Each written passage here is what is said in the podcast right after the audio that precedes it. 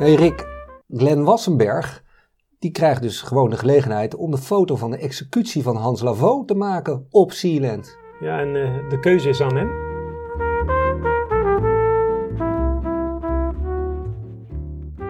Hij zegt, maar kom maar even mee, want je krijgt je nu de kans om de foto van je leven te maken. Dat zei hij letterlijk tegen hem.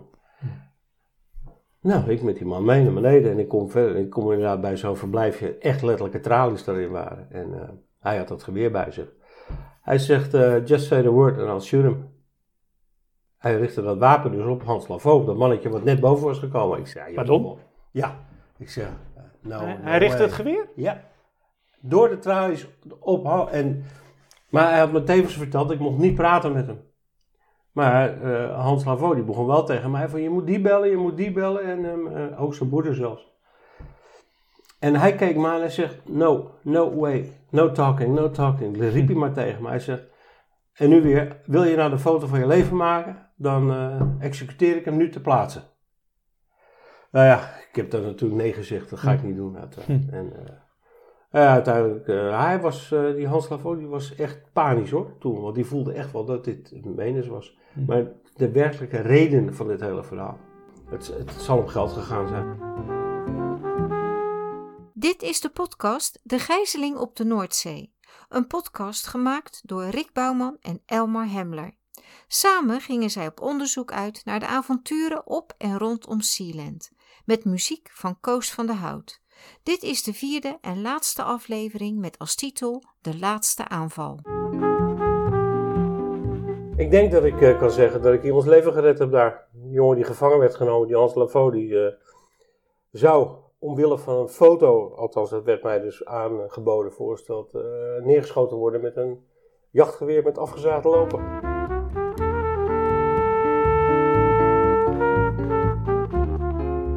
Glenn Wassenberg vertelt dus dat eh, de executie van Hans Lavaux is niet doorgegaan. Hij heeft de foto van zijn leven maar even laten lopen.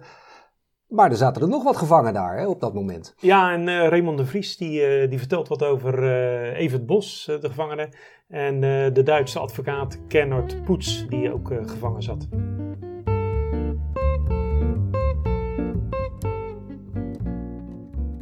Maar die poets die zei tegen mij van oh, zijn jullie van de pers, zijn jullie van de pers? Wil je me alsjeblieft, wil je alsjeblieft aan de hele wereld vertellen wat hier gebeurd is? En ik zit hier gegijzeld en ga met, je, ga met de Nederlandse overheid praten. En hij was helemaal, eh, ja, hij wilde dat wij de wereld bekend maakten dat hij daar gevangen zat.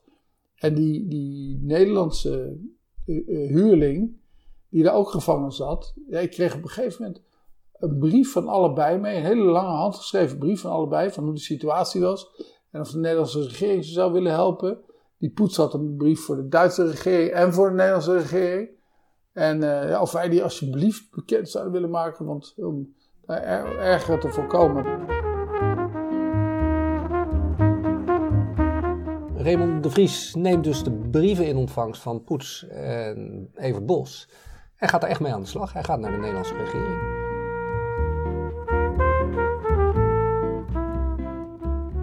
En toen wij terugkwamen in Nederland, toen hebben we de dag doorgebracht bij de Telegraaf. En die had natuurlijk allerlei connecties. Ehm, toen hebben we met minister De Ruiter gebeld.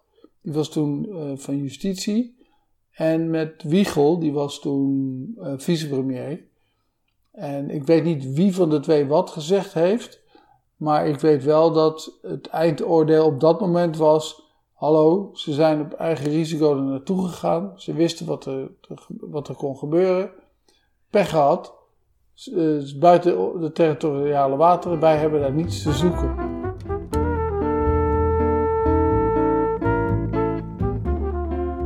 Ja, Raymond zat natuurlijk eh, bij de Telegraafredactie, maar eh, op hetzelfde moment wordt ook eh, Bert Voorthuizen benaderd door Willem van Koten. Ja, Willem van Koten die maakte zich zorgen hè, over, zijn, eh, over zijn zwager Hans Lavaux. En, Ja, terecht, denk ja, ik. Ja, dat, ja, dat, eh, dat blijkt wel. en Dus, die neemt actie eigenlijk. Ja. Ja.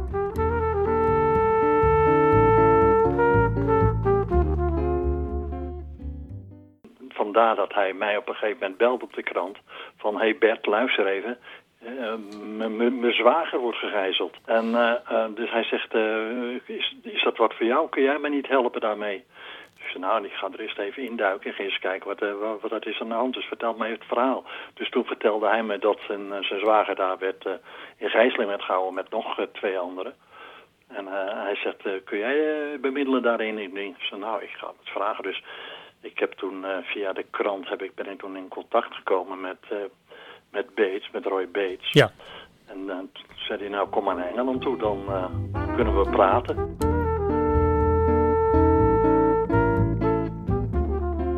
Telegraafjournalist Bert Voorthuizen gaat dus naar Engeland toe en heeft 42 jaar na dato nog een scoop.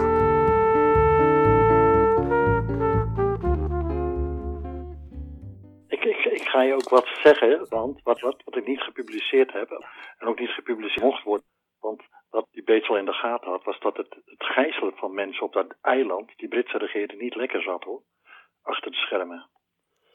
Ja. Want, want er is ook eh, toen eh, contact geweest eh, tussen Interpol Engeland en Interpol Nederland.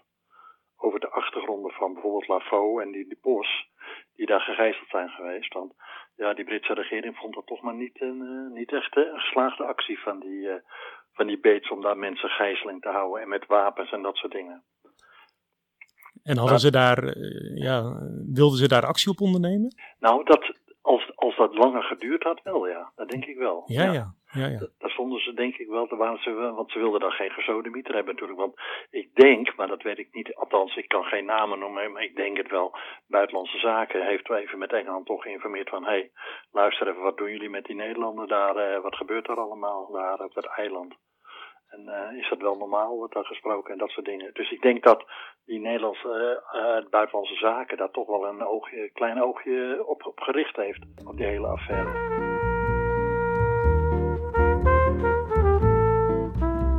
Elmar, we hoorden eerder al eh, Raymond de Vries over de brieven aan de ministers.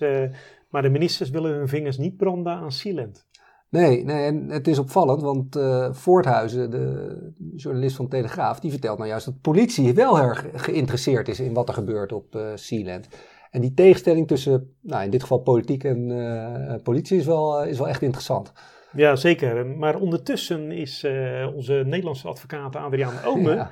op een heel ander front wel bezig om eh poets vrij te krijgen. Ja, en dat klinkt heel nobel, maar daar blijken toch eh, nou ja, bepaalde motieven achter te zitten. Want u bent er toen achteraan gegaan. Omdat u, u eiste de vrijlating bij de familie Beets. Ja, van Puts, ja. Ja. Als, eh, ja, als collega vond ik dat die, ik moest, moest iets doen. En eh, de vrouw van Puts, die, die he- iedere avond aan de telefoon van, en of ik nou niet wat kon doen. En eh, ja, ik zeg, ja, ik kan alleen maar eh, boos worden op de Beets. En eh, ja, en dreigen met iets naars. ja. En dat heeft u gedaan. Dat heb ik kennelijk gedaan. Ja. Eh, ja, het was maar alleen maar verbaal over de telefoon. ja. Wat zei u? Eh, nou, dat weet ik niet. Dat ik ze anders wel kwam, kwam vermoorden of zo. Maar ja, daar was ik helemaal niet toe in staat. Maar ik was gewoon boos. En, eh, en die puts moest terugkomen. Want ik wou van die dagelijkse telefoons van, van mevrouw Puts, wou ik af. Dat, eh, dat begon me ook de, de keel uit te hangen. Ja, ik kon zo eigenlijk niet werken hier. Ik kreeg die telefoons maar en, en dat gedoe. En ja, ik moest me daar uit ontwortelen.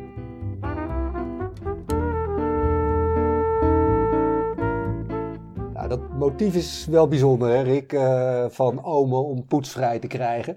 Niet omdat hij het nou zo vervelend voor Poets vindt dat hij daar gevangen zit, maar eh, hij wil eigenlijk gewoon weer doorwerken en wil van het gezeik af zijn. Ja, dat is wel inderdaad heel, heel opvallend.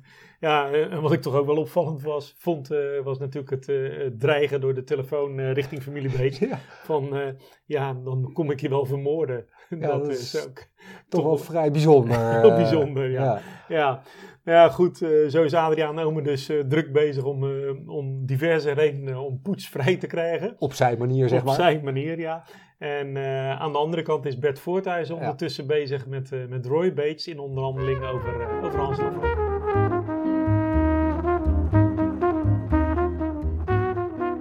Nou, die Bates die wilde, ehm, die wilde me eerst eh, paaien om als ambassadeur voor zijn eiland eh, te worden. Ik, als ik me goed herinner, maar dat ja, het is 42 jaar geleden, dus een tijdje terug, heb ik, moet ik ergens in mijn archief nog een paspoort hebben van, van, van Sealand. Want hij wilde dat ik dan publiciteit ging maken, positief publiciteit voor zijn eiland. Kijk, die Bates had natuurlijk eh, eh, met dat eiland, en die had zich verkeken, want dat was natuurlijk een roestige oude binnen daar. Eh, dat zag er dus niet uit. En die had geld nodig. En daar waren die Duitsers dus voor in, in, in beeld. Nou ja, dat ging dus helemaal fout tussen die twee. Maar die Bates, die zag dus die ding van als er nou in de publiciteit, in de Telegraaf, wat positieve publiciteit komt over mijn eiland, misschien komen er dan financiers of zo. Ik denk dat hij dat gedacht moet hebben, maar zeker weten doe ik dat niet. Maar in ieder geval die onderhandelingen gingen. Eerst dacht hij van, eh, dat, het gaat niet gebeuren. Dat lukt niet en dat wil niet. En dat, eh, ik laat hem niet gaan en er moet losgeld betaald worden eh, door de familie en weet ik veel wat. Bert Voorthuizen slaagde dus in eerste instantie niet in om eh, Roy Bates te overtuigen om Hans Lavaux eh, vrij te geven. Eh, maar hij krijgt van Roy wel de gelegenheid om Hans Lavaux te interviewen.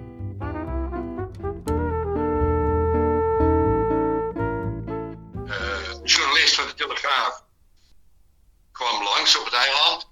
Die heeft mij geïnterviewd toen, eh, mij gezien. Die kwam ook, dat, het, de enige andere manier om naar het eiland te komen is eh, per helikopter. Dus op een boot of helikopter. En hij kwam met een helikopter. Ik geloof dat hij een eh telegraafjournalist was. Ja, dat, dat was eh, Bert Voorthuizen. Bert Voorthuizen. En die vertelde mij dat ik dagelijks groot nieuws was in de kranten in Nederland. Wat ik niet geloofde, ja.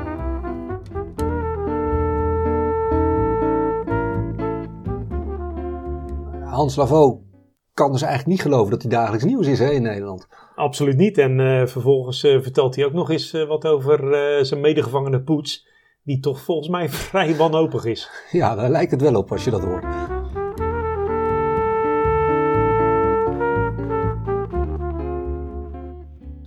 Hij had een plan. Hij zei, moet je luisteren, ik weet waar een medicijnkist is. Daar zitten slaaptabletten in. Waarom stoppen we die niet in het eten? Dan valt iedereen in slaap en dan kunnen wij ontsnappen. Ik zeg nou, ik zeg Kenhout, ik zeg we zijn, we zijn volgens mij drie mijl uit de kust, twee mijl. De, de, de normale stroom, de, de stroom is, er was een heel, hele sterke stroom daar. Eh, ik schat wel vier, vijf mijl stroom. Ik zeg, moet jij, ik zeg, hoe komen we nou aan, aan land? Ik zeg, dat wordt helemaal niks. Want hij, hij had mijn hulp nodig om dat te doen. Ik zei, nee, ik zeg, dat doen we helemaal niet.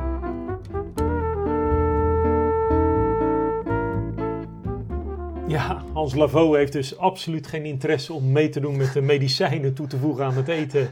En eh, met eh, de ideeën die eh eh, Poets heeft. Ja, dat is natuurlijk ook een, een, een belachelijk plan, wat, wat nul kans van slagen heeft. Dus dat hij daar niet aan meewerkt, lijkt me eigenlijk vrij logisch. Eh, en ondertussen is eh, ehm, Voorthuizen wel bezig met een tweede poging richting Roy Bates om eh, Hans Lavaux vrij te krijgen.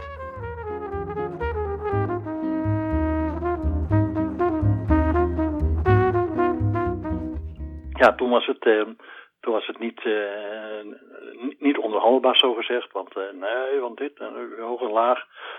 Uiteindelijk heb ik toen in die Bates verteld van luister, ik heb informatie via de inlichtingendienst in Nederland dat de inlichtingendienst Engeland daar niet blij mee is. En dat ook eh, de Nederlandse regering daar niet, eh, niet echt blij mee was.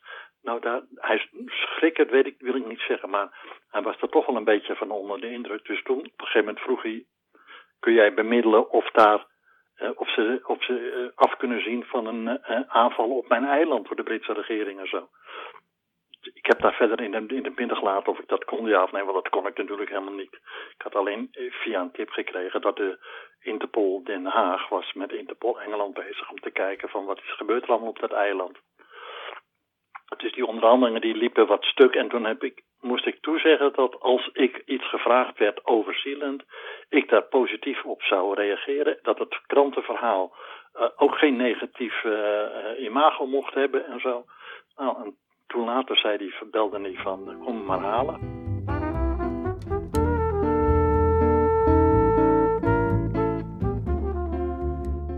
Want ik had op dat moment een vliegtuig nodig. Ja. Heel, heel snel. En toen was eh, die meneer van die direct- directie van Jetser Holland, die eh, zag er wel wat publiciteit in. En die zei van nou, kom maar naar Schiphol-Oost. Dan staat die, die, die jet voor je klaar en dan kun je daarmee naar Engeland heen en weer. Dus toen hebben we hem opgehaald.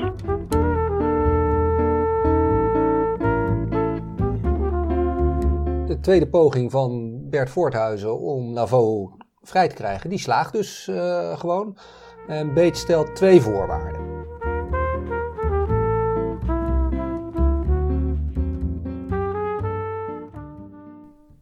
Je bent, eh, nou, dat zei je wel, je bent teruggevlogen met je Jetstar. Eh, dat had de Telegraaf geregeld. Ehm, er werd ook gezegd dat je, eh, je had twee opdrachten meegekregen eh, toen je vrijgelaten werd. Eén, je moest binnen het uur uit Engeland verdwenen zijn. Oké, En twee, je, moest, eh, je mocht je niet meer eh, bezighouden met eh Sealand daarna. correct. Nou, dat waren twee makkelijke opdrachten. Ja,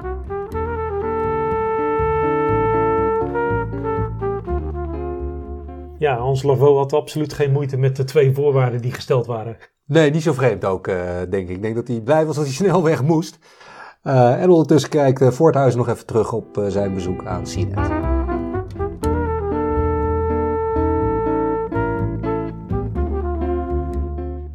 Als ik er achteraf op terugkijk, was het natuurlijk een soap. Want ik denk dat die zoon Michael nog de gekste van het geheel was. Want wij komen die helikopteruitvertelling en ik. We kregen zo'n afgezaagde loop van zijn geweer op ons hoofd. En eh, we werden gefouilleerd of we wapens bij ons hadden.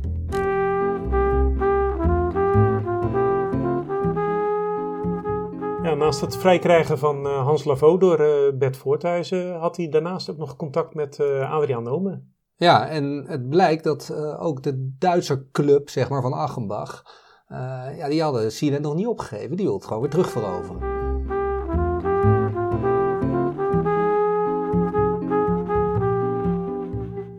Tijdens Hans Lavaux eh, gijzeling eh, heeft hij ook nog contact gehad met eh, Omen, las ik. Die heeft inderdaad mij dat verhaal verteld. En die vertelde toen dat er een legertje in, in- op Europa klaar was, klaar stond om eventueel het hele eiland te gaan bezetten en zo. Ik heb dat niet begrepen dat, eh, wat, daar, eh, wat daarvan waar is, ja of nee. Hij vertelde toen wel dat ze dus eh, eh, mensen aan het ronselen waren om, eh, om dat eiland weer terug te gaan veroveren. Want die Beets die moest er afgezet worden. Want het is ook nog een verhaal dat pistolen Paaltje er geweest is, hè? Ja, dat klopt. Dat is bekend. eiland. Ja, dat is die, hij is niet op het eiland zelf geweest, maar hij heeft wel vanuit de lucht heeft hij, is er heen en weer geschoten. Oh, dus, ja, ja, ja, ja, dat, hij, is- hij was samen met Willem Ruska. Dus, Oh, dus oké. vandaar. Ja, ja, ja, ja. Hij Dus weet, dat- maar dat, dat, dat Ja. verhaal hoorde ik dan later. Ik dat heb, ook niet, klopt. ik heb ook niet begrepen wat het belang van, eh van, van Pistolenpaald was om daarheen te gaan. Hoor. Eh, Dat- 300.000 gulden. en wie was de opdrachtgever, weet je dat? Achenbach. Toch? Ja. Zo.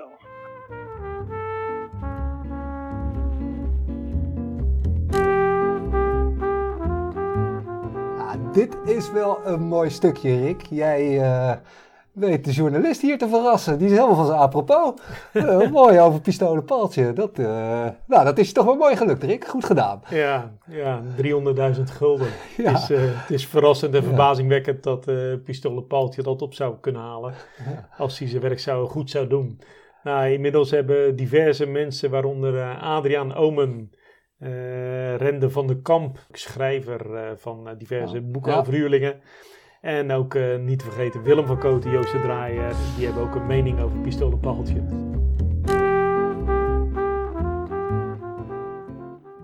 Toen dacht Achenbach van ja, we gaan het toch nog een keer proberen. En die heeft toen wat mensen gemobiliseerd. Waaronder uh, Pistolen Paaltje en, uh, en Willem Ruska, dat is een tweevoudig Olympisch kampioen judo. Ehm, en die zijn met een groepje mensen nog met een helikopter vanuit Amsterdam naar, uh, naar Sealand gevlogen. Toen ja. is het daar nog even tot de kogelsvogel behoren, begreep ik. Ja, ik geloof dat Pistolen Paul ook daarbij was. Ja. En die had dan, uh, die ging toen schieten op dat eiland om even te laten zien dat uh, ze niet moesten denken dat ze zomaar er vanaf kwamen. Ja, Pistolen Paul, die is hier vaak geweest. En die heb ik vaak als uh, advocaat ook verdedigd in allerlei zaken.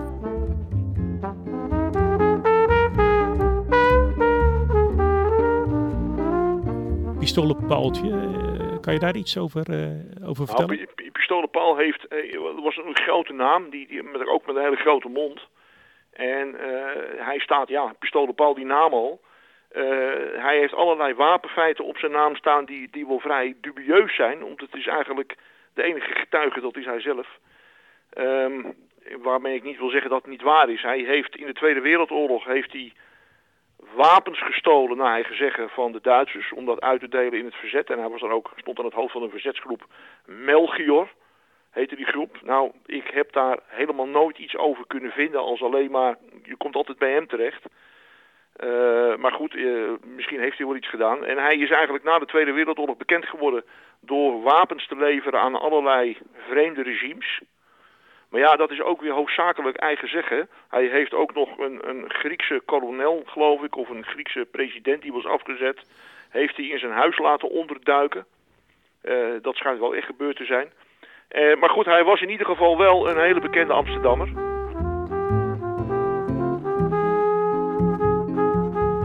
Verhaal gaat ook dat hij een kolonelsrang aangeboden had gekregen dat zou hij dat, dat Sealand veroveren met een aantal mensen, met een aantal van zijn vrienden, dan zou hij kolonel worden. Nou, dat was eigenlijk helemaal niet een leger. Uh, er zijn ook foto's van dat hij met zijn kolonelsuniform, dat is een soort operette-kolonel was het dan. Hè? En uh, hij zal een aantal van zijn vrienden hebben gevraagd, van jongens, doen jullie mee? Uh, dan grijpen we dat eilandje. En uh, dan is het ook niet zo heel gek dat hij terecht is gekomen bij Wim Ruska. Wim Ruska heeft ook heel vaak geldgebrek gehad in die tijd. Die stond ook aan de deur als portier, hè, als, als topsporter, verdient hij ja. helemaal niks. Dus, dus uh, misschien heeft hij hem daarmee lekker gemaakt. Uh, toen zijn ze daar overheen gevlogen inderdaad, om te kijken van, ja, wat zijn de mogelijkheden. En toen werden ze meteen op beschoten en toen zijn ze naar Engeland gegaan. Hebben, zijn ze geland op een vliegveldje. En toen hebben ze telefonisch contact gezocht met, waarschijnlijk met Aschenbach. Klopt, ja. En, Ach, Achen, Achenbach, ja, Achenbach en, en advocaat Omen. Ja, ja en, toen, en toen is er na, uren wachten is er gezegd van jongens, uh, vlieg maar terug, het is, uh, het is al, uh, al geregeld. Of in ieder geval, kom maar niet in actie. dus ja, het, het, was ook een verkenningsactie. Wie, wie hij verder daarbij had, dat weet ik niet. Maar ik vermoed dat, dat ze gewoon in, in kroegen wat, wat mensen hebben geregeld. Dat is op zich is dat niet zo bijzonder, want dat gebeurde wel vaker.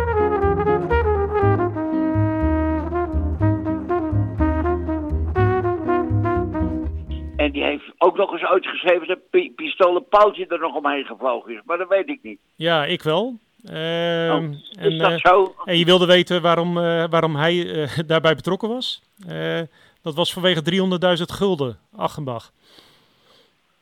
Hoe bedoel je, Achenbach? Toezegging van Achenbach. Als hij het zou heroveren, dat hij 300.000 gulden zou krijgen. Nee. Ja.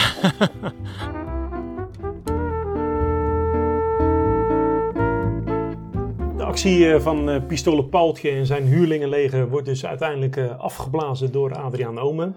Ja, en um, uh, dat wil alleen nog niet zeggen dat dat het einde voor Adriaan Omen is van het verhaal van Sealand. Want hij wordt nog achtervolgd daardoor.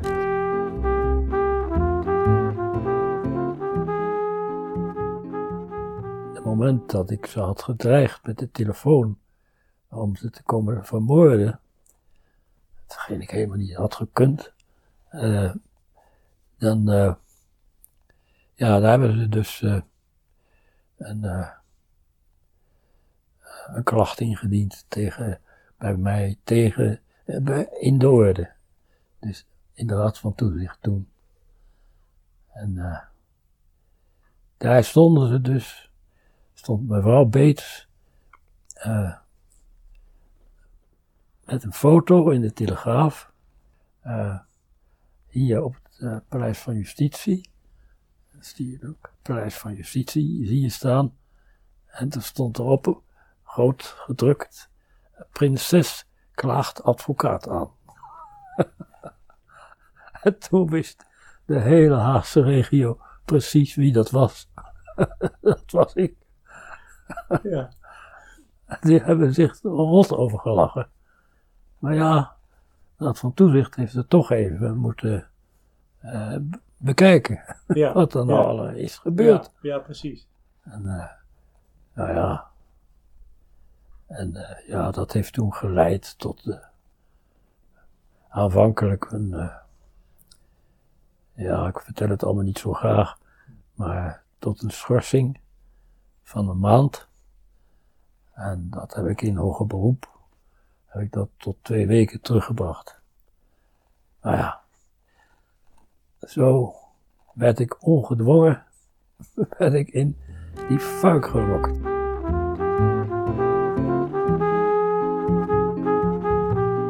Nou, Rick, die ehm, rechtszaak had dus nog wel serieuze consequenties hè, voor eh, Adriaan Ome. Ehm, hij werd eh, twee weken geschorst eh, uiteindelijk. Eh, maar jij bent nog even met hem door gaan praten over Sealand. En er kwamen nog wat interessante feiten naar boven toe.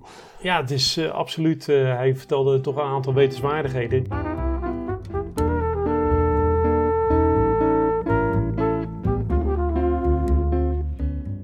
Er was op een gegeven moment een eh, regering in ballingschap eh, opgericht. eh, door Achenbach en eh, consorten. Eh, omdat Beets weer ja, het Sealand overgenomen had. En dat was eh, volgens Achenbach niet terecht. Dus, maar er was ook een minister van Justitie. En, eh, zijn naam was eh, Jozef Israël Ben Gal. Althans, dat, eh, zo, eh, met die naam ging hij door het leven op dat moment. Ja, Achteraf bleek dat hij Jozef Paul Krause heette. Ja. En dat hij, dat hij deel uitmaakte van de Bader-Meinhof groep. ja. Ja, dat weet ik, dat wist ik niet.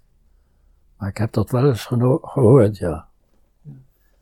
En daar hadden we geen weet toen van. Nee. Er is ook iemand geweest eh, in Californië, in de filmwereld. En die is bijna vermoord Ja. door of vanwege Achenbach. Al daar. Want? Nou, weet ik niet meer. Maar dat was ook zo'n schandaal. Dat ging de hele wereld rond. U bedoelt niet, eh, want er is nog een verhaal natuurlijk. eh, Of dat is hetzelfde verhaal. Eh, de modekoning Versace. Die is op Ja. een gegeven moment vermoord. Dat bedoel ik, ja. Die bedoelt u? Oké, die is vermoord. En wat ik heb gelezen is, degene die hem vermoord heeft, die is, eh, is gevlucht. En die, heeft, die is ondergedoken op een woonboot. En die woonboot was eigendom van een Duitser. En eh, die moordenaar heeft zelfmoord gepleegd op die woonboot. Is daar gevonden. En op een gegeven moment is daar ook een paspoort van Sealand gevonden. Ja, dat is het, ja. En die was van de eigenaar van, eh, van die woonboot. Dat was een Duitser. Ja. En die reed ook daar rond met Sealand plaatborden op zijn auto. Ja. Ja.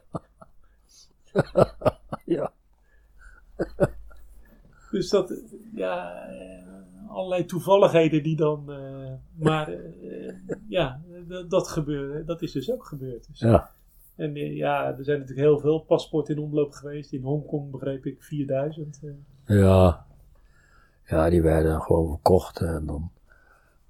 En dan, ja, er moest wat inkomsten zijn. Hè?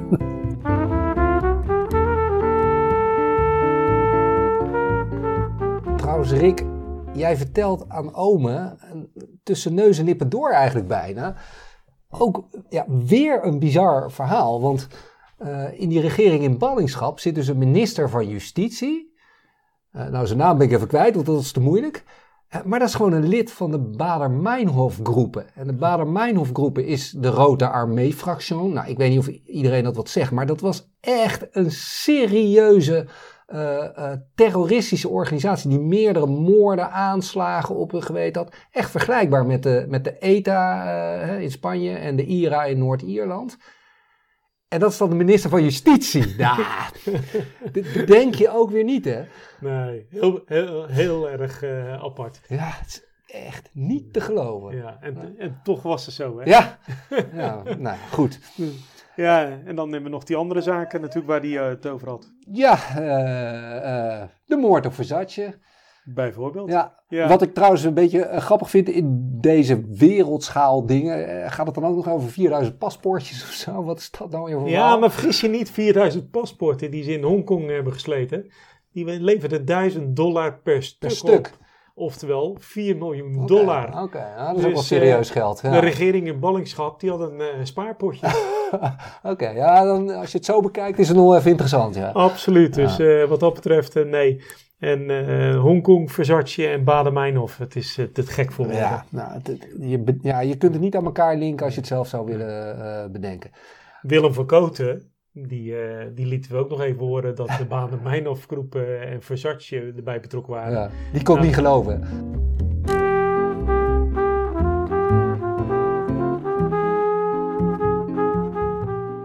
De moord op Versace, de modeontwerper. Dat maakt ook onderdeel uit van Sealand. Nee, dat geloof ik niet. Is dat zo? Ja, ja de moordenaar had een eh Sealand paspoort. dus eh, Dat zie je wel. Ja, goeie. Echt waar. Echt waar. echt waar, ja. Oei, Ik, eh, oei, oei. ik ja, dat weet ik. Nou, die Achenbach die, die, en die Poets, die wilden dus de, de paspoort. Die hadden al paspoorten, ja. Ja, Nou, ja, ik zeg, ja. En Ik, ik kon, ik kon ook zomaar een Zeeland paspoort krijgen.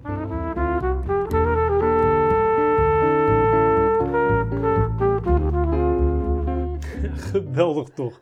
Joost de Draaier, zelfs Joost de Draaier krijgt een paspoort van Sealand aangeboden. Hoe gek kan je het bedenken? Ja. ja, kleine dingen gebeurden er, maar er, er gebeurden ook heel eh, grote dingen. Want Ja, op wereldschaal al. is er zelfs wat gebeurd, hè? Nog.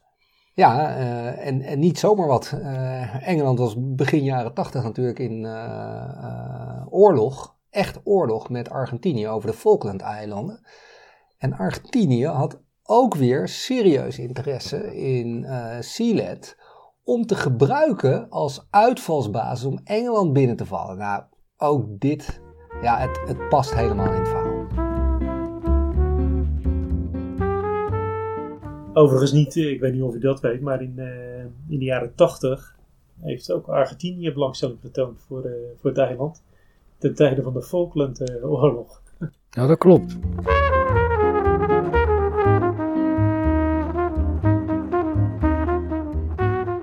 Nou Rick, ehm, het verhaal over de Falklandoorlog, dat is eigenlijk het laatste feit, grote feit wat we in deze podcast nog wilden eh, vertellen.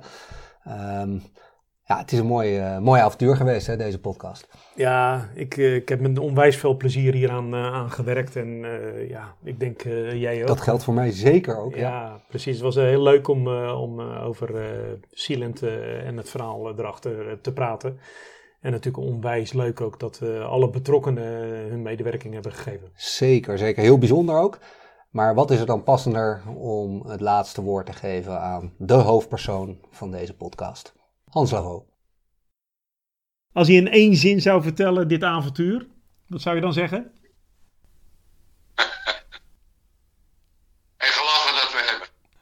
Oké.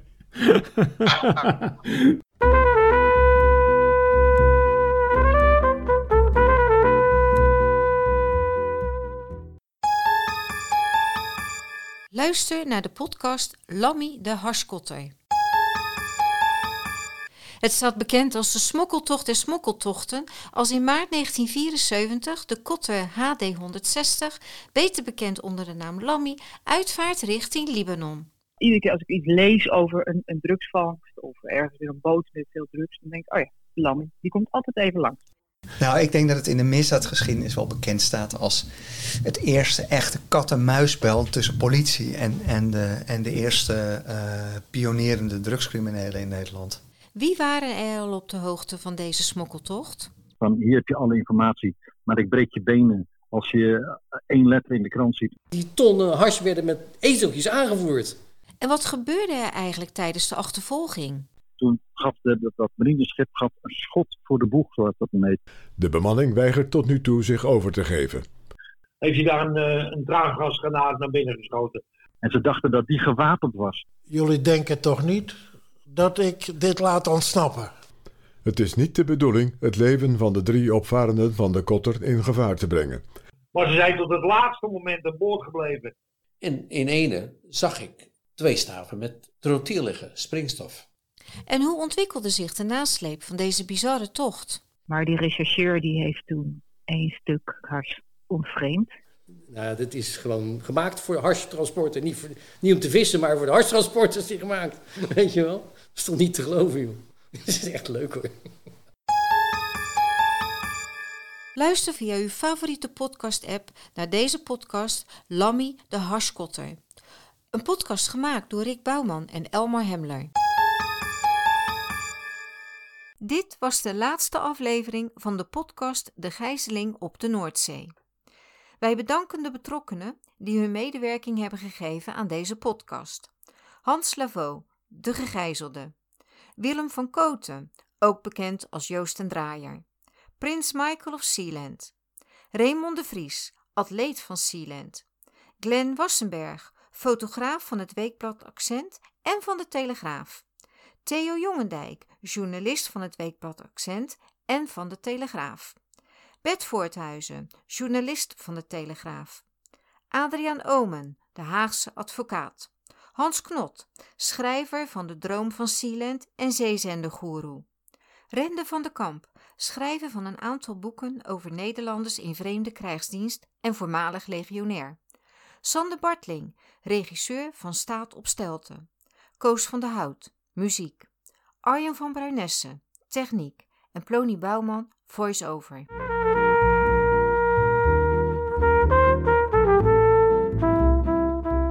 Met plezier geluisterd naar deze podcastserie, dan is het fijn als u een positieve beoordeling wil geven.